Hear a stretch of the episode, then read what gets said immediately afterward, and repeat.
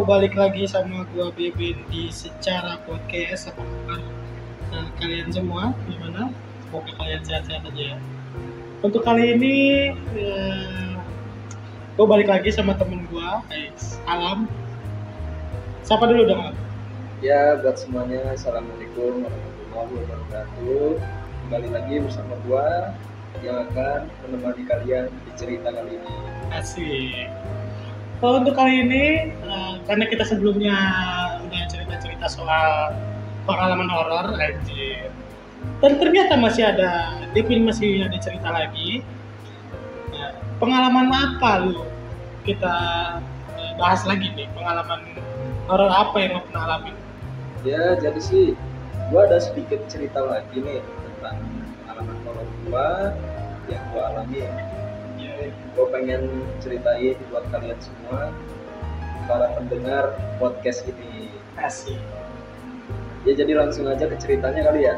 Langsung aja lah lu, lu ceritain gimana pengalaman.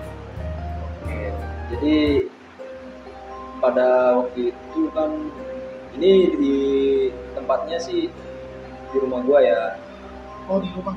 di rumah gua. Oke oke. Pada saat itu di depan rumah gua kan kayak ada apa sih namanya renovasi rumah gitu kan.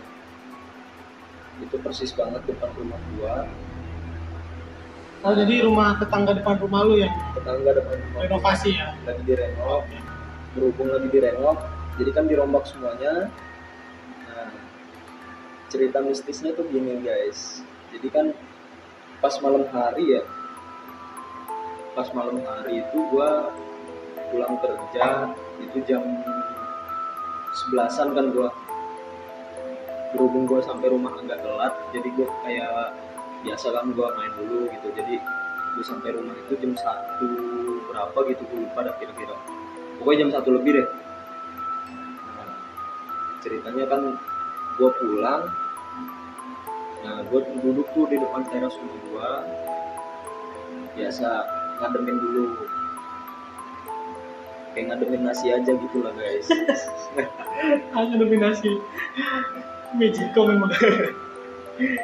jadi tuh gue kayak ngadem sedikit lah sambil nyebat lah depan nyebat rumah ya. depan rumah gua awal mulanya sih gue biasa aja maksudnya nggak ngerasa ada yang aneh gitu biasa lah gua. cuek gitu nikmati suasana malam Anjay.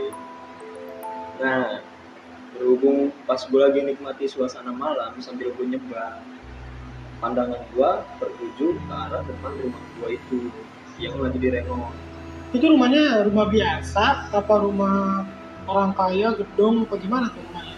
Ya jadi sih dia dua lantai gitu. Dua Berarti lantai tingkat. itu cukup cukup besar gitu rumahnya ya. lumayan lah.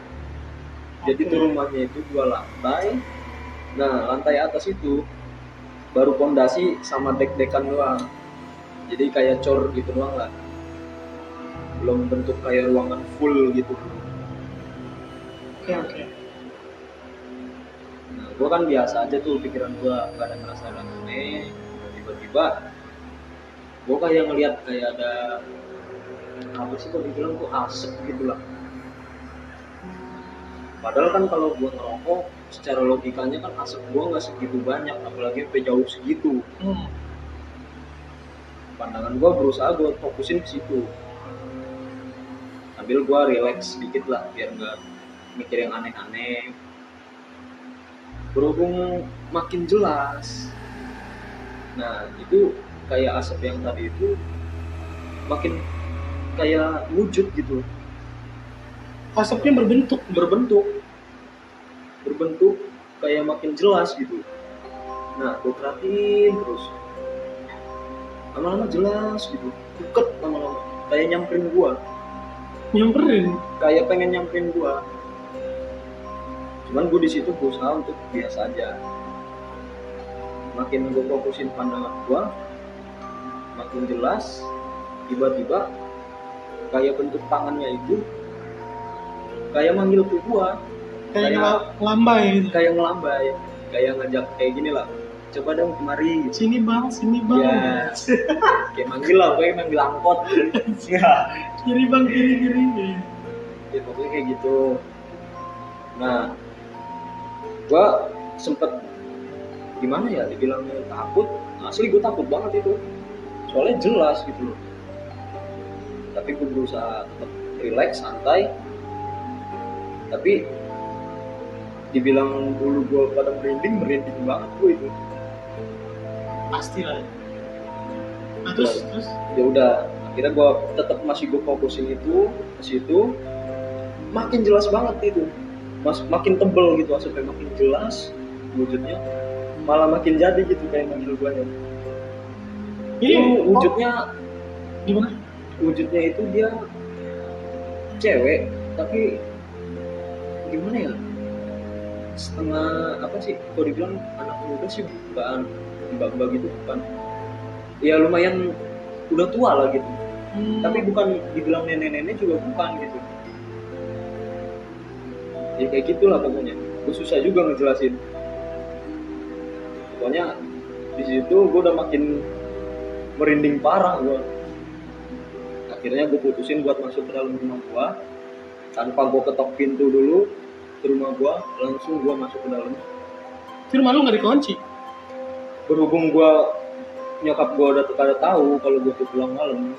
Jadi itu sebelum gue pulang pintu nggak dikunci. Nah jadi gue langsung masuk ke dalam. Udah tuh gue langsung ke kamar. Nah pas kayak gitu ada kejadian lagi nih. Dua hari habis setelah gue itu jadi tukang kafe itu kan dia dagang kafe kan selalu keliling kayak kampung-kampung gua gitu kan. Dia pakai gerobak gitu. Nah kejadian ini maghrib. Si tukang kafenya ini udah mau pulang. Berhubung dagangan dia masih ada dia mikir kan masih ntar laku lagi kali. Ya udah tuh dia standby di situ. Depan rumah gua persis. Tapi posisi rumah itu masih ke dalam masih keadaan dibangun masih direnov. Nah tukang kafenya ini kan namanya azan maghrib dia kan istirahat sebentar sambil merokok gitu kan minum. Tiba-tiba ada pembeli. Namanya orang dagang ada pembeli senang dong Nah, pas ada yang beli dilayanin lah sama dilayanin ya kayak orang normal biasa kayak orang dagang kalau beli. Beli set. Udah udah selesai beli. Nah tiba-tiba orangnya ini nggak tahu perginya ke mana padahal si tukang tape itu dari tadi di situ sambil matanya dia ya namanya ini kan masih melihatnya jelas lah masih terang lah gitu. masih terang masih jelas gitu ngeliatnya. Cuman ngilangnya nggak tahu ke mana itu orang. Mana? Gue sendiri juga nggak ngerti. Apa dia pesan gojek kah? Mungkin. Mungkin dia mesen GoFood gitu. Eh salah gue oh anjir? Ya, jadi tuh dia ngilangnya nggak jelas datangnya pun juga nggak jelas. Ini abang tapenya punya punya hati nah itu dia. Mungkin kalau ada HT pasti dia ngabarin ke mana tahu? Dia kental.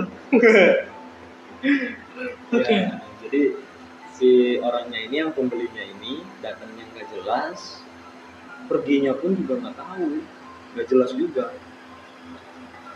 Nah mungkin kan pikir tukang kafenya ini kan ah bodoh dah intinya kan udah dibeli ini dagangan gua udah dapet uang juga kan oke tinggal pulang kan. Nah pas dia mau beli rokok pakai uang yang tadi yang si orang ini beli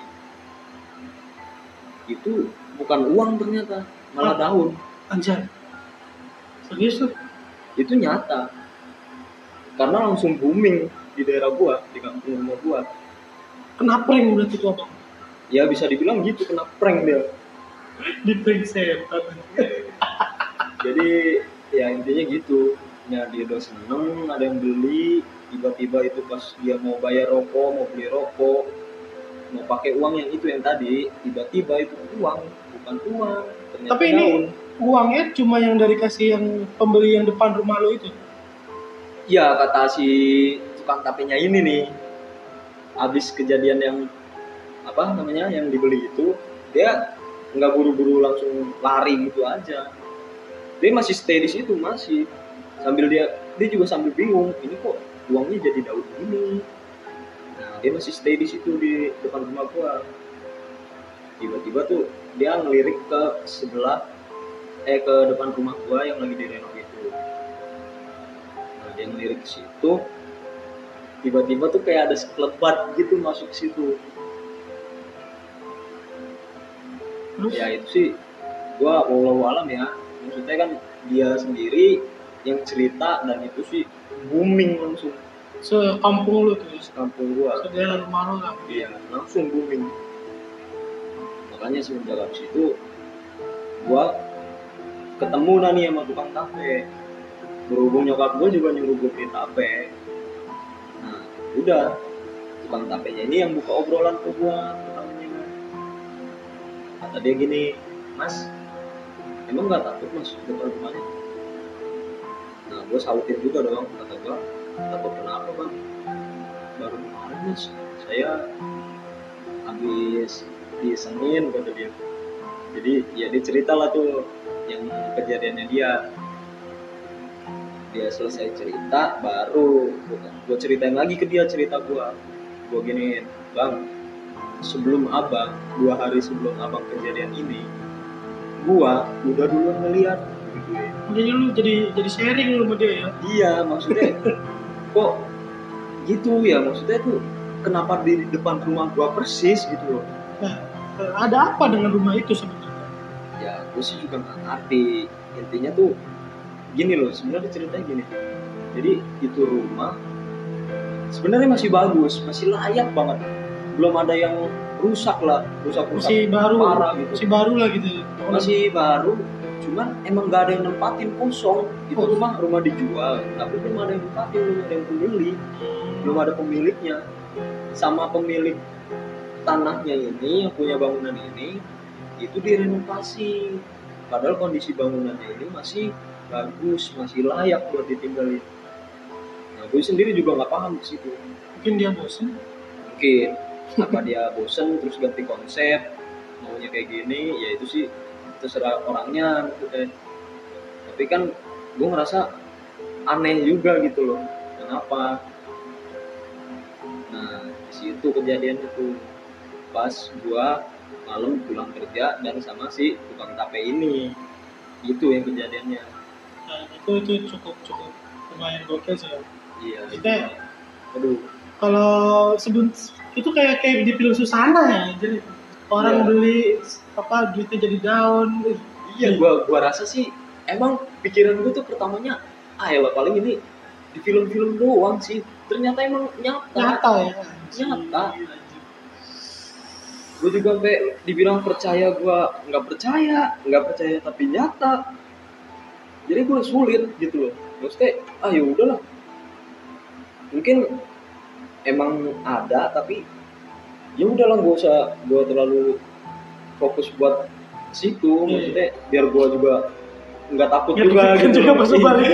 soalnya ke depan rumah gua banget Persis gua- depan rumah ya. persis depan gua jadi tuh gua ngerasa kalau emang gua punya rasa takut jadi gua kalau andainya gua pulang kerja malam gitu nanti yang ada gua malah makin takut atau gimana. Makanya gua udahlah anggap aja nggak ada apa-apa gitu. Padahal itu nyata Denial aja ya, mencoba denial ya. itu pun sebenarnya itu nyata dan gue sendiri pun itu ngelihat pakai mata kepala gue sendiri. Dan itu posisi gue belum ngantuk belum ngantuk gue cuman gue lagi ngademin dulu ngademin gue kayak kayak habis di jalan gitu Ya, kan, sih capek gitu. capek habis bangun jalan lagi tuh ngaso lah. ya. iya lagi kan gue posisi gue kan pulang nguli gitu jadi agak sedikit ngadem dulu sedikit Nah, Lam, eh, setelah apa cerita lu ini, apa lu ada pengalaman lain yang yang di sekitar rumah lu itu masih ada pengalaman horor lain nggak? Oh kalau pengalaman lain ada. Jadi tuh di rumah gue gimana ya? Lumayan cerita-cerita begitu tuh lumayan banyak. Kayak kejadian lagi nih. Di belakang rumah gue kan kayak ada gusuran gitu kan bekas gusuran. Gusuran. Tadinya itu bekas kayak gedung apa apa ya lupa gue pokoknya udah lama itu. Dari semenjak gue pindah ke situ itu udah jadi tanah kosong. Oh, terus? Nah, gua nggak tahu kenapa tiba-tiba tuh banyak dari warga juga situ yang cerita katanya di gusuran tanah kosong itu ada kobangan air, kalau kita sebut apa sih namanya danau bikinan apa empang gitu loh. waduk Ya model-model gitu deh. Waduk kalau bikinan tuh waduk Pokoknya kayak bikinan tapi yang bikin juga nggak tahu siapa. Karena nggak ada yang ngerasa ngebikin ke situ. mungkin tanahnya ambles sih Bisa jadi. nah itu ada apa tuh di sini Nah, jadi ceritanya gini. Pagi hari waktu itu kan gue kan masih masih kayak beres-beresin rumah gitu. Gue masih beres-beresin rumah. Nah, jam 11 siang itu gue lagi nyuci motor di rumah gue. Lagi nyuci motor, tiba-tiba ada orang nanya sama gue. Itu bapak-bapak mungkin gue nggak tahu deh ini si korbannya ini anak kecil gitu loh maksudnya anak kecil usianya tuh kurang lebih enam tahun deh kenapa Anak jadi kecil. gini dia tuh kayak lagi main di situ sama teman-teman pantarannya dia lah Hmm. lagi main nah dia itu kepleset pas Apa? pas kepleset ke kobangan yang itu yang apa yang waduk yang kayak bikinan gitu itu dia kepleset ke situ. Nah teman-temannya ini pada nggak ada yang berani ngebilangin ke orang tuanya. Jadi oh tuh bocah tenggelam. Tenggelam. Terus temen-temennya nggak ada yang berani bilang? Nggak ada yang berani bilang karena namanya bocah kecil apa karena dia takut diomelin atau gimana mungkin pikiran dia gitu kali. Soalnya emang lumayan dalam gitu oh. Tingginya airnya itu kedalamannya 6 meter. Ke bawah 6 meter. Ke bawah 6 meter. Lumayan makanya untuk bocah seusia gitu mah aduh gue nggak habis pikir sih. Itu gokil itu. Jadi gue tuh siang hari jam 11 siang itu gue lagi pokoknya posisi gue lagi nyuci motor deh. Nah ada orang nanya sama gue itu bapak-bapak? Nyapa gue pertamanya permisi mas katanya. Iya pak ada yang bisa dibantu? Kata gue gitu nih iya pak. Kata dia kan mas boleh nanya nggak mas? Iya nanya aja. Nanya apa pak? Kata kata gue gitu. Mungkin gue sih mikirnya gini apa dia nyari alamat apa gimana kali? Hmm. pokoknya kayak orang bingung deh. Terus ya gue langsung sautin lagi kan. Iya pak boleh pak nanya apa? Mas maaf mas pernah melihat anak yang terus kayak gini nggak mas? Dikasih lihat gue fotonya. Waduh saya kurang tahu pak begituin berhubung gue juga jarang di rumah apa mungkin gue sibuk kerja juga. Jadi lu nggak kenal. gue nggak tahu. Gue nggak kenal. Terus? Gue bilang waduh saya kurang tahu pak. Soalnya saya juga jarang di rumah gue sautin gitu kan nah langsung tuh si bapaknya ini langsung bilang gini oh ya udah mas makasih ya. Soalnya kemarin pamit sama saya itu dia main pak kata gue gitu. Iya mas. Ya udah tuh langsung dia pergi. Pergi nggak lama pergi tuh sore sorenya tuh. Sorenya itu langsung booming di tempat gua. Ternyata ditemuin anak kecil tenggelam di belakang rumah gua yang di gusuran itu. Itu udah apa mayatnya ini nih jenazahnya ini itu udah satu kali 24 jam. Oh, berarti udah udah sehari lewat dong ya? Udah sehari lewat. Astaga. jadi dia itu tenggelamnya asar ketemunya besoknya asar. Astaga. itu udah pada biru semua badannya. Nah, itu itu diketemuinnya tuh gimana itu? Jadi diketemuinnya juga aneh loh. Sebenarnya anehnya gini. Itu udah dicari sama tim kayak tim sar terus apa namanya sampai pakai alat ini Nggak, alat berat. Maksud ketahuannya bocah itu tenggelam itu gimana? Jadi ada salah satu temennya nah dia ini jujur bilang katanya dia main sama si anak ini yang anak ini dia kepleset ke bawah sini katanya. Dia cerita tuh sama yang si bapak yang kemarin eh, yang nanya sama gue yang nanyain anaknya ini ternyata itu cucunya dia. Oh cucunya? Nah cucunya dia. Oke, terus? Jadi tuh si bocah ini ngaku jujur. Ya udah dicari lah tuh di situ.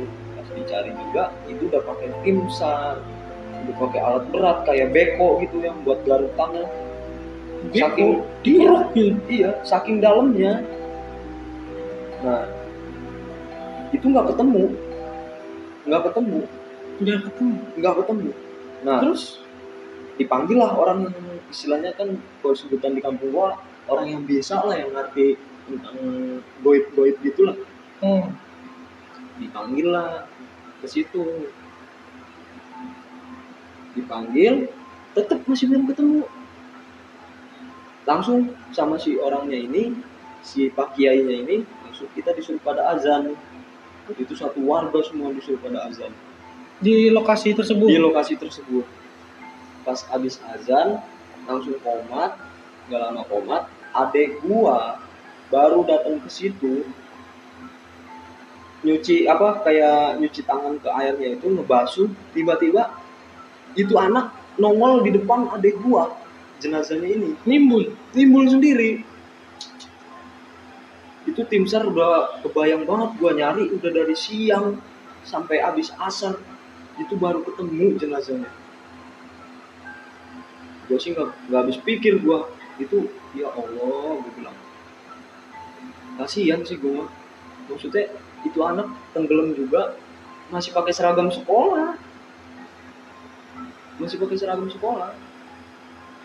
Ini sih kisahnya bener-bener tragis sih kalau menurut gue ya apalagi apalagi buat orang tuanya itu pasti sedih banget. Pasti sedih karena yang gue tahu tuh bocah pantaran usia-usia segitu tuh masih sedang asik-asiknya main lagi gitu loh. bener-bener main Iya. lah iya. Nah, jadi tuh pas habis gitu kelar si orang pinternya ini langsung kayak ngebuka obrolan ke warga-warga lah. Termasuk ke gue juga ada di TKP sih. Nah, langsung tuh dia buka obrolan katanya gini. Sebenarnya nih anak itu kemarin apa namanya itu kenapa bisa dicarinya susah? Karena itu dia masih ditahan sama pengurus itu. Kata orang pinternya ini? Iya. Terus ada kan apa namanya tetangga gua lah. Dia langsung sautin obrolannya. Yang si pak pak pak kiainya ini kan. Langsung dia nanya kalau boleh tahu apa ya pak yang pengurus ininya apa ya. Dijelasin lah tuh sama pak kiainya. Di sini penghulunya itu belum putih mas katanya. Belut putih. makanya itu anak jadi masih di bawah belum mau nimbul. Biasanya kan kalau udah satu kali 24 jam Pasti. jenazah itu pasti kan di atas. iya pasti pasti sudah uh, mengambang Iya, ini sampai dicari sama tim sar pakai alat berat. Nggak ketemu. Pas diazanin selesai azan komat selesai komat itu baru ketemu tuh anak. Tanpa nyari lagi ke bawah nimbul sendiri dia. Gue sih sempet kaget juga gue ya allah kata gue ini anak udah aduh gue sih nggak nggak nggak bisa jelasin detail lah. Intinya ya kalian tahu lah kalau udah di air selama satu kali 24 jam itu kayak gimana? Ya jangan ya, ya pokoknya aduh gue juga gak bisa ngomong apa apa lagi. Ya kebayang gue aja Aduh, gua itu sih sumpah tragis banget itu. Sampai TNI Polri ikut ke situ ikut nyaksiin. Nah terus habis dari situ gimana? Sebenarnya ada yang anehnya lagi. Ada yang anehnya lagi. Pas malamnya itu dia tenggelam. Malamnya itu dia tenggelam. Tapi ini posisi jenazahnya belum ditemuin ya. Oh jadi semalam sebelumnya? Enggak. Jadi dia udah tenggelam tapi jenazahnya belum ditemuin. Iya berarti baru malam baru tenggelam gitu. malam sebelum dia ditemuin kan. malam sebelum dia ditemuin. Ya. jadi bos jadi ceritanya gini loh. Kan di tempat gue masih banyak empang gitu ya. Iya. masih banyak tanah-tanah kosong lah nah tembus yang ke gusuran ini kan bisa lewat rumah tetangga gua itu jalannya jalan setapak. Jalan setapak lah. Nah posisi juga tuh tetangga gua pulang kerja. Maghrib. Maghrib pulang kerja. Dia lagi biasa kan kayak gua yang tadi lagi ngadem dulu di luar sambil ngerokok sebat. Nah terus dia ngeliat ada bocil pakai seragamnya sama sama yang gua lihat si bocahnya ini tenggelam. Tetangga lu. tetangga gua ngeliat. Jadi gini sama tetangga gua ditegur lu pulang dari mana tong? Maghrib maghrib basah basahan dicariin mak lu lu katanya. Kan namanya ini kan apa namanya orang dewasa gitu kalau ngeliat bocah kecil gitu apa Iya. maghrib maghrib baru pulang basah pasti kan kayak gitu Mesti ngingetin lah ya. dia ngingetin. Terus dia cuma senyum doang tuh anak senyum doang. Nah, pas udah ketemu si jenazahnya ini yang tetangga gua ini kaget. Lah kok bajunya ini anaknya juga sama yang kemarin? Gua lihat lewat depan gua bahkan dia juga si anaknya ini sampai bilang gini misi bang. Kayak gitu. Makanya tuh yang tetangga gue langsung negor lu dari mana kok maghrib maghrib baru pulang. Basah basahan dicariin mak lu ntar katanya. Nah si bocahnya langsung senyum. Nah tetangga gua kaget pas tahu jenazahnya ditemuin besokannya. Itu sih gokil kalau kata gua. Gue sih kalau jadi tetangga lu gue pingsan ya. ya gue sih gak habis pikir juga. Mungkin apa dia halu? Tapi emang kata dia tuh nyata. Soalnya jelas gitu dia ngeliat juga. Posisi bajunya sama mukanya sama. Basah bajunya semua tuh kayak orang habis cuma sama. Gue sih nggak habis pikir itu gokil. Dibilang gue nggak percaya tapi nyata. Soalnya si orangnya sendiri langsung yang ngomong ke gua cerita. Yang si abangnya ini yang tetangga, tetangga ini ya. iya langsung ngobrol sama gua pas ketemu si jenazahnya ini. Nah dia langsung nyamperin ke gua si tetangga gua. Jadi dia langsung buka obrolan. Nah, kemarin gua ketemu dia sama bocah nih serius bang? Kan gue gituin gua serius gua pulang kerja maghrib. Tiba-tiba gua ngeliat bocah basah-basahan maghrib maghrib dia bilang permisi sama gua karena kan emang mau ngelewatin rumahnya si tetangga gue ini si bocah.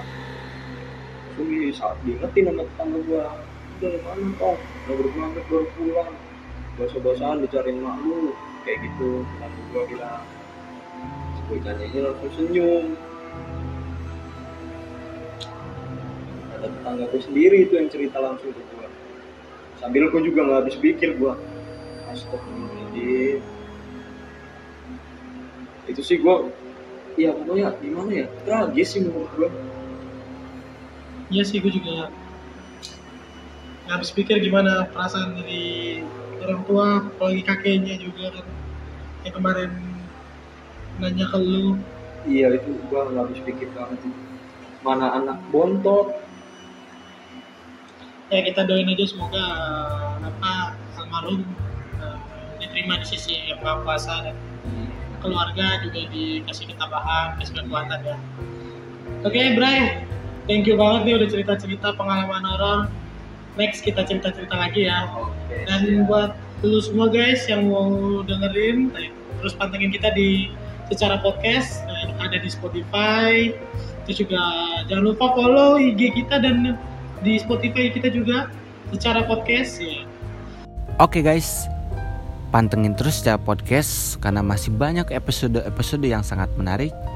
Dan jangan lupa, jangan pernah ngarepin banyak karena ini secara podcast. And see you, bye bye.